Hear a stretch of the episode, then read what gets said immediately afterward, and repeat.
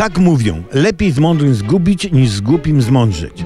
E, przeczytałem, że, ale ja nie o tym. Przeczytałem, że cała ta sprawa z taśmami prezesa Obajtka to podobno robota Zbigniewa Ziobry.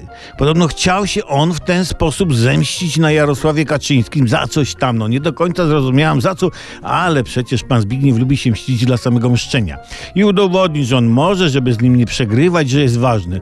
No mówię, jeśli tak było, to pełen podziw dla pana Ziobry. Ziomek jest na pełnym chillu żeby tak prezesowi podskoczyć. Ja osobiście już bym wolał spędzić jakiś czas w jednej klatce z jadowitą kobrą nimfomanką, niż mścić się na prezesie PiS.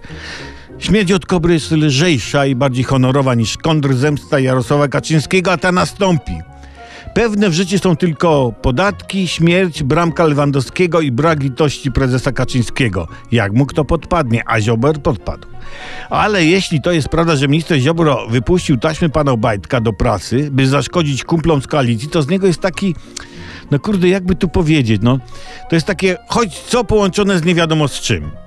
Tak sobie wykombinowałem, że prezes PiS ma teraz taką wyliczankę, tak stopniuje poziom wroga. Jest wróg, wrógszy, najwrógszy, Tusk i Ziobro.